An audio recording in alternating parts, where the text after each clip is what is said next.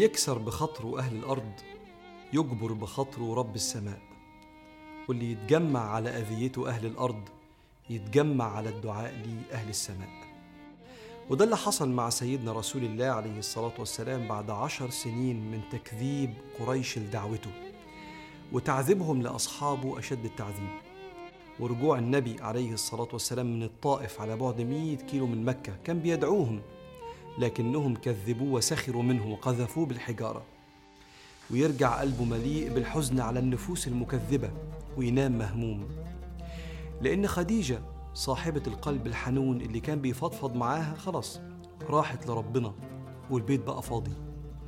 ويمر النبي عليه الصلاة والسلام بأصعب لحظات الهجر من قومه وأصعب لحظات الوحدة من أحب الناس ليه. وينام ولا يعلم ما في قلبه إلا الله. الحنين سبحانه وتعالى. اللي هيقول له النهارده مقامك عالي قوي عندنا يا محمد.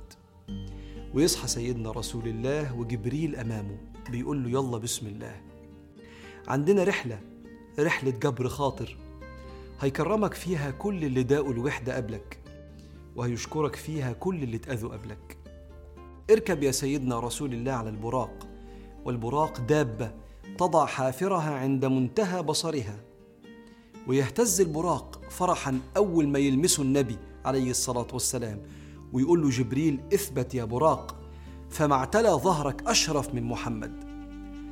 ويطير النبي صلى الله عليه وآله وسلم في بضع دقائق مسافة تاخدها الجمال في شهر. وأنا الحقيقة مصدق اللي خلى البشر بالطيارة يقطعوا في ساعة اللي يمشوه في شهور قادر إنه يوصل النبي في ثواني. عشان كده سورة الإسراء بتبدأ سبحانه أي عظم وقدس سبحان الذي أسرى بعبده ليلا من المسجد الحرام إلى المسجد الأقصى الذي باركنا حوله لنريه من آياتنا إنه هو السميع البصير. ويوصل سيدنا رسول الله للمسجد الأقصى عشان يشوف آيات ربنا الكبرى. آلاف الأنبياء.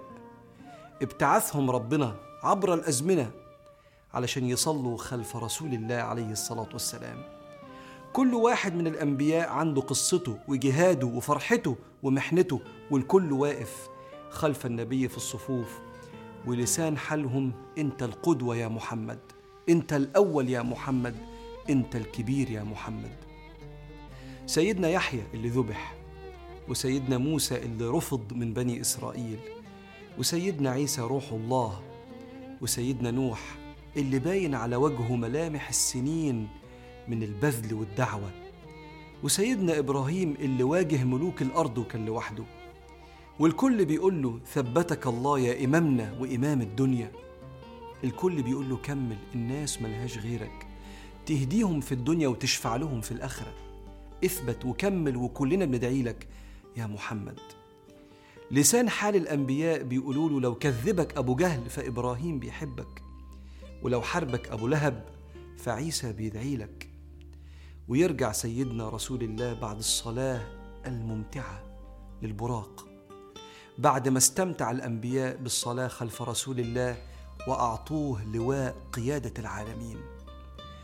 وسابوا معاه ذكريات الحب والمساندة والدعاء علشان يكمل الرحلة لزيارة ورؤية رب السماء. ربنا سبحانه وتعالى جبر بخاطر سيدنا رسول الله بعد طول معاناة وهو ربك سبحانه وتعالى يقينا هيجبر بخاطرك مهما طالت معاناتك.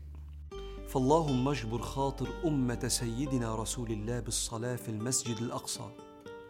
ونحن في كامل الأمان. يا رحيم يا رحمن.